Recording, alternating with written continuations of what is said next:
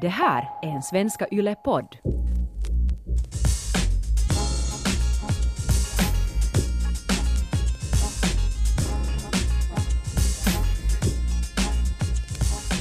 När Finland vann junior-VM 1998 var en av de tongivande spelarna Olli Jokinen! Olli Jokinen är idag 40 år gammal, grattis bara han fyllde i december och varför jag tar upp det här i inledningen av det här poddavsnittet är förstås att vi har vårt 40 avsnitt på agendan och Åsnebryggan till junior-VM är inte heller lång med tanke på det som hände i veckoslutet. Före jag låter någon överhuvudtaget annan babbla i det här avsnittet så tycker jag vi lyssnar på helgens stora begivenhet för att sätta tonen för vartåt det ska barka. Tekning som Finland vinner och tolvanen vidare till Jokiharju. Jokiharju pucken mot mål, massor med trafik, här har Finland chans och där är pucken i mål! Finland gör mål! Finland tar ledningen med 3-2. Kapo Kakko gör mål! Primo är överlistad, 1.26 kvar där Finland gör ett mål som ser till att Finland är så otroligt nära att vinna JVM-guld och det är Kapo Kakko som petar in pucken i mål! Och vilken tredje period det här har varit! Och vi vet bättre än att ta ut någonting i förskott, för nu blir den amerikanska kvitteringsjakten oerhört intensiv och hård och häftig. Men Finland är så nära nu! Och så Virtanen mot Kakko och Finland kommer att fixa det här! För det är bara fem sekunder kvar när USA desperat skjuter pucken mot Ukko-Pekka och Finland vinner Finland en stor titel på nordamerikansk mark när det handlar om JVM! Finland besegrar USA på liten isyta i liten rink och Finland tar hem världsmästerskapet för femte gången! Mina damer och herrar, Kristoffer Herberts med i podden än en gång. Det blev liksom så nu när de gick och vann VM-guld. Välkommen med! Tack, tack. Jag vet Toffe att du är en väldigt kritisk, självkritisk referent. Uh, då du lyssnar på dig själv här nu, uh, hur kändes det? Gick, det? gick det bra för dig? Det var ju ett bra radioreferat. Jag lät bilden tala. Nej, är, ärligt talat, så det är kanske okej okay att babbla en hel del när Finland håller på att vinna guld. Det, det, är ett tacksamt läge det där. Det är det mest tacksamma läge som finns för en, för en kommentator om vi ska vara helt, helt allvarliga. För ingen lyssnar på vad man säger, för folk bara är inne i sitt och mm. bara tänker på sitt. Och folk tycker att det är så sjukt bra. Vad man än säger tycker folk att så jättebra referat. Däremot när, när man gör ett ett strålande referat i en match som Finland förlorar med 1-3, så då tänker ingen någonting på att man skulle ha gjort någonting speciellt. Ja, bra Nej, och de värsta matcherna är ju då när det är trist och tråkigt och uselt, så att, att höja sig själv då, det tycker jag att det är det allra svåraste. Om, om matchen är dramatisk, vilken den var som VM-finalen, så ofta också referatet känner man att okej, okay, det här har gått helt okej. Okay. Mm. Vinnarkultur i referatbåset. Men hej! I del ett av den här 40 episteln från Yllesportens podd så ska vi naturligtvis avhandla JVM.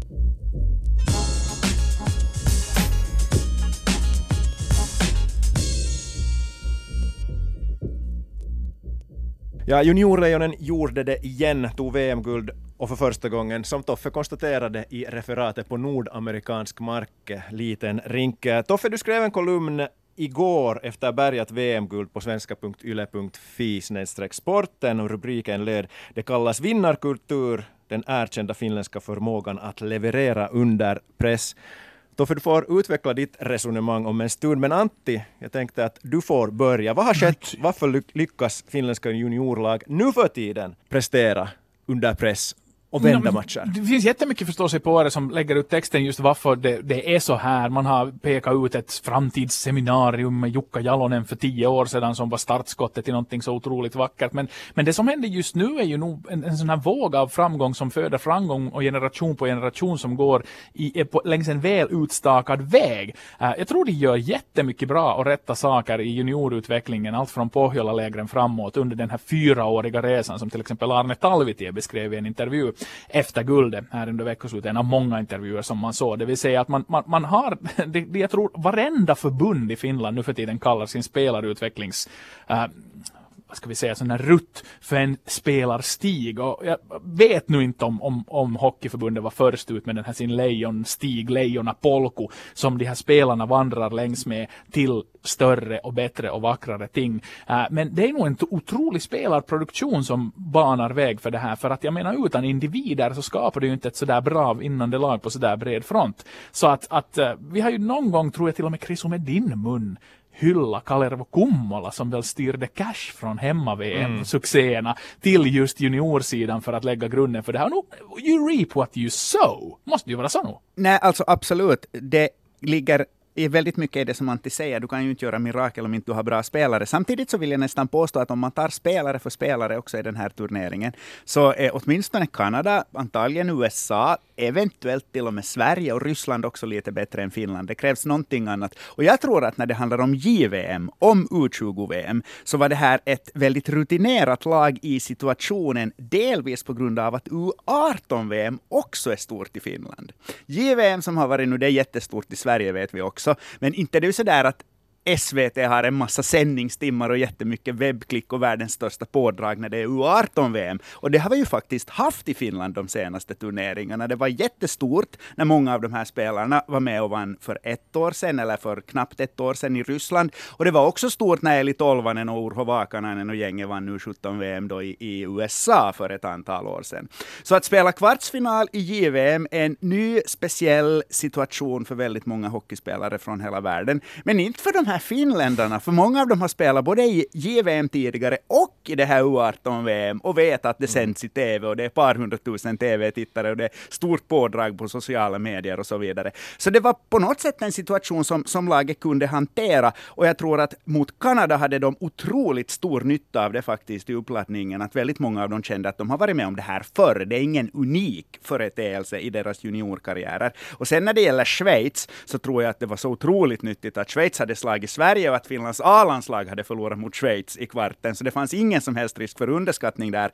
Och sen när det gäller finalen i USA så tror jag på nytt samma sak. De här amerikanska spelarna i och för sig också sådana som har gjort väldigt många stora matcher också i landslaget. Men där tror jag Finland också hade nytta av att man spelar i herrligor, man spelar tuffa matcher i FM-ligan, man får ganska mycket uppmärksamhet, man spelar inför ganska stora publikmängder trots allt i ung ålder. Och det var den erfarenheten och den rutinen, befängt nog, som en 17-årig spelare trots allt kan ha, som fällde avgörande. Jag kanske går på halis nu, men jag vill lyfta fram sådana ett par kulturella fenomen. Idrottskulturellt så de här spelarna nu, den här finska unga generationen, de är inte, de har inte samma R som vi tre till exempel av finländska kollapsar. Jag tror att deras referensramar är de finländska lejonen vann eh, Sverige i VM-finalen 2011 efter den fantastiska tredje perioden 6-1. De tänker på Ristolainens segermål i förlängningen i JVM i Sverige. De tänker på hur Finland vann JVM på hemmaplan. Det är det ena. Sen undrar jag också, för att gå riktigt på en metanivå, att om inte uppfostran i Finland, att det där har skett en liten förändring, att vi uppfostrar våra barn lite mer på ett svenskt sätt, att, att äh, låt alla blommor blomma och alla har självförtroende, ni är duktiga på vad ni gör. Kryddat med den här klassiska finländska ödmjukheten, vilket leder till att uh, de här unga finländska spelarna har ett helt annat självförtroende än vad man kanske hade ännu för 20 år sedan, men sen ändå finns den där laget före jaget. Vad säger ni om det här? Är jag, ute, är jag helt ute? Nej, där också tycker jag du har en bra poäng, men om man då jämför med Sverige igen, så Sverige är också uppväxta med en väldig vinnarkultur, vana att se Tre Kronor som vinner VM-guld och OS-guld och hela köret. Och jag vill också påstå att Sverige ägnar sig åt lagspel när det handlar om JVM, och de har sunt självförtroende och allt det här. Så allting det vad, vad du nyss sa om Finland så gäller egentligen för Sverige också. Sverige har ett guld av 38 och Finland tre av sex. Så det är någonting med det där att lyckas vinna på JVM-nivå som uppenbarligen inte bara är en tillfällighet längre utan en trend. Och där tror jag kanske att, att den där förklaringen med, med 18-årsmästerskap och, och, att kunna hantera ett JVM på ett, på ett mognare sätt är det som avgör för Finlands del. Mm. Det är ju en jätteliten skillnad mellan, mellan framgång och fiasko också i den här turneringen. Jag menar, det var ju Kanada-matchen låg ju där och vägde och så, så att liksom Eh, marginalerna var på Finlands sida på, på, på ett väldigt väldigt kraftigt sätt. Uh, äh, Schweiz var en, en, en, total dominans, det var det inte något snack om saken. Men nu var det ju tidvis där under finalen som jag satt och, och, och höll för andan, fart, tempo, i, framförallt i det amerikanska powerplayen som du Toffe också många gånger lyfte fram, att när det blev powerplay, att nu, nu håller bajset på att träffa fläkten för Finlands del. Så att den där nivån håller jag helt med om som du säger, att, att vi har kanske inte de bästa spelarna, men, men nu är det ju märkligt det där någonting som sker där, just i skallarna på de där killarna, att, att det, och dessutom att man tappar att man tappar. 2-0 till 2-2 uh, eh, och ändå liksom inte låter det paralysera en och, och bara ångar vidare och sen vred, vräka fram det där, det där avgörande målet med framförallt de killarna på isen som man på något sätt förväntar sig ska göra det. Det vill säga nu var inte någon random shufflepuck från, från blå linje som, som studsar in utan, utan nu var det nyckelspelare. Tolvanen, Joki, Harju, Kakko, Lundell involverade. Det är det som vi förväntade oss att skulle leverera. Som det var snack om inför turneringen. Att de här är tunga pjäser. Det är häftigt. Mm, bra Antti, du är ute med, med ganska pigga ben under den här podden. Men hej, om vi, om vi övergår från att tala kollektiv och vinnarkultur till, till individer. Uh, vilka spelare tycker ni att uh, var de stora individuella vinnarna i ett lag där det ändå var fråga om ett, ett kollektiv där, där man vinner och förlorar som lag? Men, men fanns det någon som höjde sina aktier rejält? Nej, alltså, det är ju, man kan ju inte annat än förundras över de här spelarna som inte draftade ännu. Att, att Capo Kakko kan avgöra en final och det känns som världens naturligaste sak. Och Anton Lundell är jag enormt imponerad av hur moget han spelar. Hans tekningsvinster var så otroligt viktiga i finalen. Och det är liksom ett centerspel som är förbluffande, som en 19-åring skulle prestera det. Och här har vi en kille som draftar som ett och ett halvt år. Mm. Och sen så Heponiemi, Finlands bästa poängplockare, och klart att de här stora spelarna också klev fram som, som Henry Jokiharju till exempel. Jag tycker att de häftigaste grejerna i ett JVM är de spelare som man, det här låter kanske lite tragiskt, men de som liksom aldrig kommer att toppa det här i hela sitt liv. Liksom åtta Otto Latvala. Jag tror faktiskt inte, inget ont om Otto Latvala, för min del får han gärna spela 100 landskamper och 500 matcher i ligan. Men jag tror inte att hans karriär någonsin kommer att överträffas av att han gjorde mål mot USA i en final. Det tycker jag är jättehäftigt. Dissar du killen från Alajärvi, Bobolsonen? och, och faktiskt, faktiskt, för mig är det lite samma sak också med Arne Talvitie. Jag tror faktiskt inte att Arne Talvitie kommer att vara kapten i ett stort lejonlag i en VM eller en OS-turnering. Jag undrar om han är trots allt tillräckligt talangfull i den hårda konkurrensen för att till mm. exempel bli en NHL-stjärna. Men nu var han Finlands bästa målskytt. Han någonstans lyfte hela det här laget och bar det. Så där är för mig kanske de två största, de som lyckades mest bäst för att svara på frågan. Arne Talvitie, Finlands bästa målskytt. Otto Latvala, målskytt i finalen. Vem hade trott det? Mm, jag hade Latvala på listan jag också, men sen tycker jag, äh, med tanke på vad vi diskuterade till och med förra veckan i den här podden och annars också med min fäbless för målväkteri, att Ukko-Pekka Luukkanens revansch är så på något sätt fantastisk med tanke på att Finland har att falla tillbaka på en, en tradition av målvaktskultur och att vi fostrar stora målvakter till de riktigt fina arenorna, framförallt då NHL kan jag tänka mig. Och att, att han skulle vara ett frågetecken, det, det sades med väldigt många munnar och att han sen gör en sån turnering som han gör och får den uppmärksamhet han får. Så det är för mig roligt att han liksom stärker sina personliga aktier. Sen är det ju otroligt kul med tanke på den utvecklingen som, som NHL-draftandet har haft. Jag vet inte hur scouter tänker, för de är ju inte, de är ju inte sådär vindflöjlar. Oj, här kom ett Finland som gick jättebra. Månne de har nog bra juniorer. De har ju säkert börjat scouta liksom 11-12-åringar redan och liksom har ju bly koll på fältet, det är ju deras jobb, herregud. Men, men liksom sådär att inte, inte försämrar det är ju kollektivt någonstans finska spelares aktier i no-scouters ögon att se dem leverera som Toffe sa, 17, 18, 20 äh, på alla nivåer. Att det är ju ett kvitto på att dels du individuellt är bra när det gäller som mest, men också att du är ett lag fungerar. Så att jag menar, nu kan ju sådana rekord i, i draftsammanhang slås, även om, vad var det nu, 20 någonting, 22, 23 spelare, det mesta var vad finländare har nappats under en och samma draftomgång. Så att jag tror att det kanske den där nivån börjar etableras där kring 20 från att ha varit nere på, på fyra som värst. Mm. Jo, det är intressant det här resonemanget också kring Latvala och Talvitie. Ilta-Sanomat hade jag tyckt en intressant artikel här för en dryg vecka sedan om då Finland tog sitt senaste Uh, sin senaste medalj i ett JVM på nordamerikansk mark, det var typ 2006 eller någonting liknande. Av de backarna så det är ingen som spelar ens längre och ingen av dem blev en stjärna. Så att det finns av alla de sorter i JVM-lag. Det, det, det, måste vi komma ihåg. Uh, Anton Lundell, är jag den enda som tycker att han påminner lite om Alexander Barkov. St ganska stor, bra uh, ishockeyhjärna och, och sen ändå också till, till, sin framtoning lite sådär allvarsam och, och, så vidare. Så att jag har stora förväntningar på honom. Men jag kan inte låta bli att vara va, uh, eh, katten mot strömmen och lyfta fram två lusson, två förlorare. Jukka Rautakorpi, tänk ändå vilket lag han hade basat för för två år sedan och Finland spelade om att undvika degradering till B ja, det, det är ju alldeles otroligt. Jag tror att alltid att man kommer att komma ihåg det här då man följer upp de här finländska framgångarna på olika junior Rautakorpi, Rautakorpi, Vassislakan med. Uh, och sen också Christian Vesalainen hade möjlighet att delta i den här turneringen. Jag var förra veckan och tittade på en match på plats då Jokerit mötte Sibir Novosibirsk. Och det var nu som det vanligtvis var under en grundseriematch i, i KHL för Jokerits del. Det var lite sådär tamt och, och folk var nu glada ändå. Men Vesalainen utmärkte sig inte. Tänk om han skulle ha varit med i det här finländska laget. Och det blir ju förstås alltid andra premisser och så vidare. Men om han skulle ha varit med och varit tongivande, vilken uh, uppvisning för Winnipeg Jets som skulle han skulle kunna räcka lång näsa mot dem och säga att titta vad ni har här, varför ger ni mig chansen?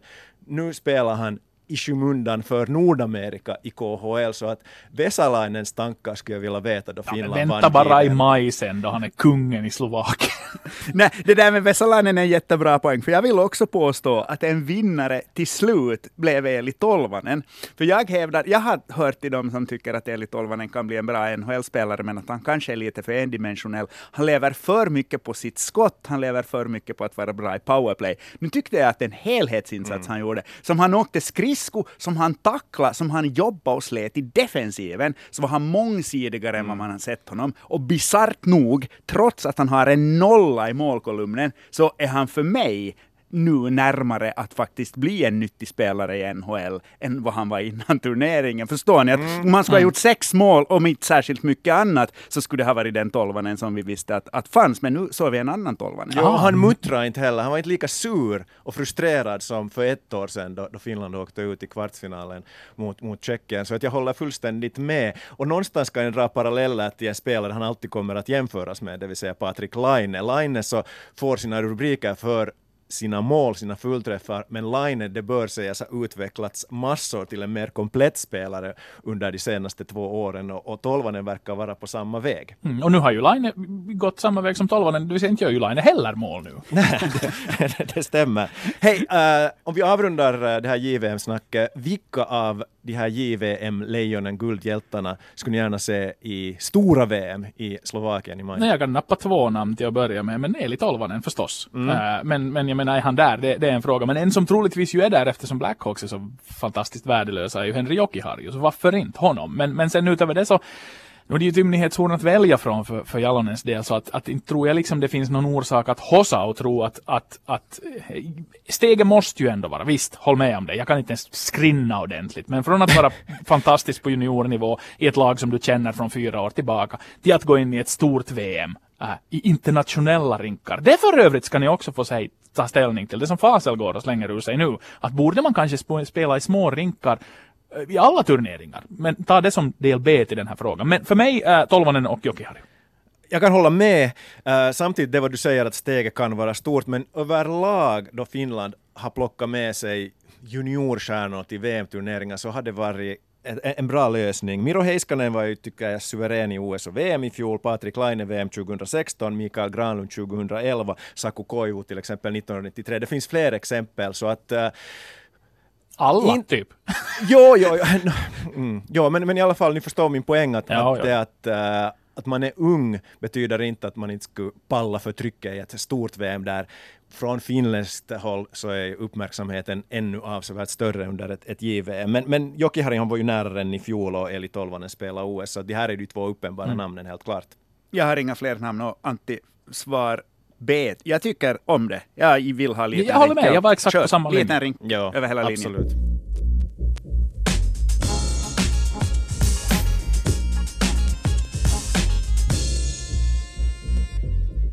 Vi fortsätter den här podden ännu i en andra halvlek med lite småplock härifrån och därifrån och börjar i uh, någonting som väl kan kallas för en uh, både fysisk och symbolisk uppförsbacke. Uh, Tour de Ski avslutades i veckoslutet med eh, motlutet i Alpe Sermis.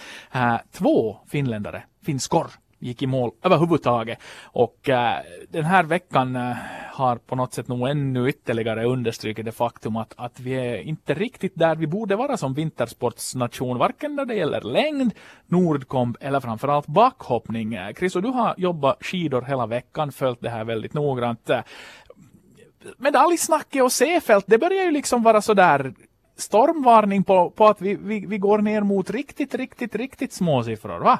Jo, det är nog Apeli på gång. Uh, jag tycker att risken är jättestor att Finland för första gången i modern tid, det vill säga egentligen, det, Finland har blivit utan medalj några gånger före andra världskriget då det handlat om, om VM-tävlingar i de här nordiska skidgrenarna. Men, men i praktiken... Räknar vi ens sådana? Nej, jag, jag Nej. måste säga att jag vet inte. Att, när jag tittar på de där resultatlistorna för nöjes skull igår, så det såg ut att det var kanske tre deltagande nationer. Hur gick, det som för, hur gick det för Österrike-Ungern och sådär? och och det ottomanska riket.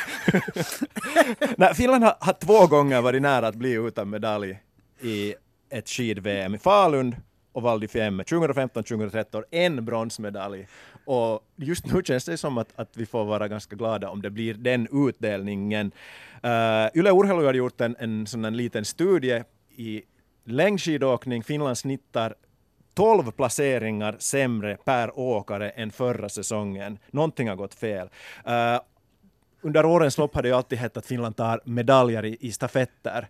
Men, men tänk bara på konkurrensen nu. På damsidan Norge, Ryssland, Sverige och USA är långt före Finland. På här, här sidan åtminstone Norge, Ryssland och Frankrike, också Sverige till en viss del. Frankrike, skrämmande. Nordisk kombination, Ilkka Herola är 24 i världscupen, Jaro Hirvonen 28. Inte mycket att vänta sig där heller på basis av, av säsongen tills vidare. Så att där är vi tillbaka då sen till the huge, det vill säga Krista Pärmäkoski och Ivo Niskanen. Och Pärmäkoski just nu så har en handfull damer som verkar vara bättre. Det är Johaug, det är Kalla, det är Andersson, det är Ingvild Flugstad Östberg och sen är det ganska jämnt mellan de här, säg en tre ryskor. Så att oddsen är ganska höga att Pärmäkoski tar ens en, en enda medalj. Och Ivo Niskanen, om jag nu citerar bara Sami Jauhojärvi, så inte var det nu det där formbeskedet som, som gör att man hoppar i taket som Niskanen presterar i skandinaviska kuppen eh, under veckoslutet. Han var 15 sekunder snabbare än Matti Stenshagen från Norge. Matti Stenshagen tar placeringar ungefär så där kring 25 i världscupen då han får ställa upp. Och sen Ivo Niskanen igår hade kramper, avbröt massstarten. Huh. det var en skön sågning. Som tillägg till det vad du sa om det sämsta någonsin, så när Finland blev utan medalj så var inte damer med. Det var liksom så länge sedan så damer var inte med. Så vi kan alltså vara på väg, på väg verkligen mot ett lågvattenmärke. Jag tycker att de senaste säsongernas insatser av Pärmäkoski och Niskanen i stora mästerskap gör att jag känner mig förhållandevis lugn. Jag kan inte tänka mig att efter det vad de har visat, först i Lahtis och sen i Pyeongchang, också efter att ha haft upp och ner säsonger under hösten och vintern, att, in, att de båda skulle misslyckas så totalt med formtoppningen att de skulle bli utan medalj. Det kan jag inte tänka mig. Jag tror tvärtom att båda kommer att ta medalj för att de har visat att de kan det som någonstans är allra, allra viktigast i längdskidåkning, där det är väldigt, väldigt få som är bra en hel säsong. Det vill säga att vara bra när det gäller som, som allra, allra mest. Mm, Jag börjar lite tappa tron på Krista Pärmäkoski just på grund av den där bredden på damtäten, det vill säga det är så många ombud. Eh, Det håller ju på att gå i den riktningen att, att Ivo Niskanen blir för finländsk längdskidåkning nu i det här mästerskapet, det som Tero Pitkämäki har varit för finländsk friidrott sedan 2004. liksom, den där att de får nu såsa på i kval och hålla på en 8-9 dagar och sen är det spjutfinal och så kommer det ett brons. Eller vad det nu kommer. Men liksom förstår ni vad jag menar? Att liksom sådär att, att ja men det blir ju bra för om Ivo Niskanen tar ett guld så, så då är vi ju en stor längdskidåkningsnation även om det är unna motplaceringar på resten av schacket. Lite ditåt är det liksom på väg. Nej, och det, där, det, det är det där jag var inne på redan förra veckan, det vill säga att, att bredden saknas totalt bakom Niskanen och Pärmäkoski och det är det som är det mest oroväckande, att de här som är bakom Niskanen och Pärmäkoski i, i hackordningen i finska landslaget, de har tagit steg bakåt snarare än, än framåt och, och Johanna Matintalo som jag hade stora förväntningar på inför den här säsongen, så har inte tagit det där stora klivet framåt än. Förlorar med två minuter mot Frida Karlsson till exempel, den 19-åriga svenskan i, i, i Vuokatti här i veckoslutet. Hur ser du på de här lagen i lagsprint? För där, det behövs ju så lite där. Det behövs att någon har en superdag och så gör den andra stjärnan en okej insats och tar Finland medaljer där också. Men vem är de här som nu måste komma och överträffa sig själv? Hur ser de mest troliga duorna ut? På här sidan måste det ju handla om Risto-Matti Hakola. Han har snabbhet och är hyfsad ändå distansåkare, men han är inte heller på samma nivå som i fjol. Han missar ju till och med en prolog, det vill säga första gången på fem år som han inte nådde de 30 främsta i en, en, en sprinttävling. Uh, på damsidan så är det nog intressant. Pärmäkoski ställer hon ens upp? För att det Alltså där hon gör ju det om hon har en bra kompis, ju om hon vet det. att det blir medalj. det är ju just det. Vitsi, vilket ultimatum. nå, nå, nu är det ju förväntningar på till exempel Kerttu Niskan att han, hon på något sätt magiskt skulle komma i, form. Uh, möjligheter för Johanna Matintalo, möjligen Anne Kyllönen, men nu hör ni ju själva på de här namnen att, att inte låter det ju sådär jättehoppingivande med tanke på hur de har presterat den, den här säsongen. Ritu då, ännu sådär. No, hon är ju Finlands näst bästa damåkare den här säsongen. Det, det, I och för sig det är ett citat av Toni Ropponen, äh, hennes man. Men, men, ja, men nu, nu, det, nå- någonstans så ligger där någonting i det. Att, att Rita-Lisa Ropponen så, så har pre- överpresterat den här säsongen, en av, en av få finländare som gjort det. Och, och bara sådär som om jag tar de där skandinaviska kuppen äh, inför säsongen, igen förväntningar på äh, no, vad heter han nu, Perttu Hyvärinen. Så Vad? Men jag- jag kommer 30 inte plats i skandinaviska kuppen. Förlorar med tre minuter mot Matti Stenshagen vars äh, nivå jag, jag nyss beskrev. Matti Stenshagen nämns flera gånger i samma podd. Det är kvalitetstecken. Vi borde Ja, nu skicka går honom vi vidare. Hej, det här, det måste vi ändå prata om lite här före, eh, vi tar en lite bollsporter här före vi börjar avrunda dagens paket. Uh, Man United, någonting har hänt. Ole Gunnar Solskjaer, Solskjaer, Solskjaer, tränare där, fem raka, fyra sådana i Premier League, så rekordböckerna har inte riktigt skrivits om ännu. Men uh, är det här en, en, en tillfällighet? Var det så otroligt värdelöst under José Mourinho eller är det, är det, nu, är det nu det vänder? Ja, på, på de två första frågorna, nej på den sista. Uh, Manchester United hade stora problem under Mourinho, borde ha sparkat honom långt tidigare. Det var helt befängt att han fick hålla på så där länge. Uh, Ole Gunnar Solskjaer kommer inte att göra Manchester United till en stor klubb igen. Han kommer att fixa dem så att de får en fin vår och så kommer laget att byta till en mer meriterad tränare med större erfarenhet och så kommer United så småningom att bli riktigt bra. Men inte blir det några troféer i vår och inte blir det nästa säsong heller. Första värdemätaren på söndag, Tottenham United klockan 18.30 vill jag minnas. Uh, det intressanta här är ju att spekulera om United skulle få någon form av sendrag, kramp och vinna, vinna, vinna matcher, slå ut PSG i Champions League och åtminstone gå i topp fyra i Premier League. Är det nog för Ed Woodward att ge ett kontrakt för Solskjaer? Jag tror ju att det går precis som Toffe förutspår, men det måste ju finnas någon nivå om United uppnår den så får Solskjaer fortsätta och vad är den då? Antti, har du ett svar på det? Jag tycker han är klar redan, för mig. Jag tycker han är så perfect fit med tanke på sin, sin pedigree i klubben, eh, med tanke på att han, han ju undvek alla tiders fatala karriärsdrag och inte blev Aston Villa-manager 2012. Ja, han blev å andra sidan Cardiff-manager och var helt ju värdelös och det, och det har alla nu helt plötsligt glömt bort för att han Nej, jag hade skrivit upp det här faktiskt. drar en, det var, det, en det var stark liksom, spelartrupp vinner mot några sopgäng. men det var kölhalningen som behövdes för att, att, att härda honom inför den utmaning som komma skall nu på Old Traff. Eh, jag tror faktiskt att han, han är, är den långsiktiga lösningen. Det, Men- det här, det här och vad betyder det skriva i upp. resultatväg? Vad, Alltså, vad jag, måste han hopp, prestera? jag, jag som inte tycker om Manchester United hoppas ju väldigt, väldigt, väldigt innerligt att han Att blir anställd. Exakt. Att han får vara där i tre år. Ja, ja. Och, och sopar undan Men- dem sådär. Men Nej, jag alltid, ännu om, du, om du är Woodward så, så vad Vill du vara min ribban? Bernstein då? no, jag kan vara Ken Burns. Äh, vad jag kräver? Ja. Nej, jag kräver inte så jättemycket annat än att, att en, en, en liksom, om man tänker någonstans, vad, vad, what would Sir Alex Ferguson say? Det här är hans guldponke som har varit på tal, liksom, har varit i organisationen tidigare, eh, som har vunnit titlar, låt vara i Molde, det är inte alls samma sak, men han är en respekterad man i klubben, han är en ikon, han är rätt man att förlänga med och ge chansen. Man ska inte gambla i Manchester United egentligen, men man har gjort så många fatala felsteg här längs med vägen nu att Ole Gunnar Solskjaer känns som ett rätt steg att ta. Och jag, jag är beredd att, att eh, tycka att United ska, ska fortsätta under OGS. Var inte Ferguson som sa att de skulle ha David Moyes? Ja, ja, ja. Men som sagt, om, om Cardiff var, var den här härdsmältan som Ole Gunnar Solskjaer genomgick, så var Moyes Sir Alex Fergusons enda fatala miss under karriären.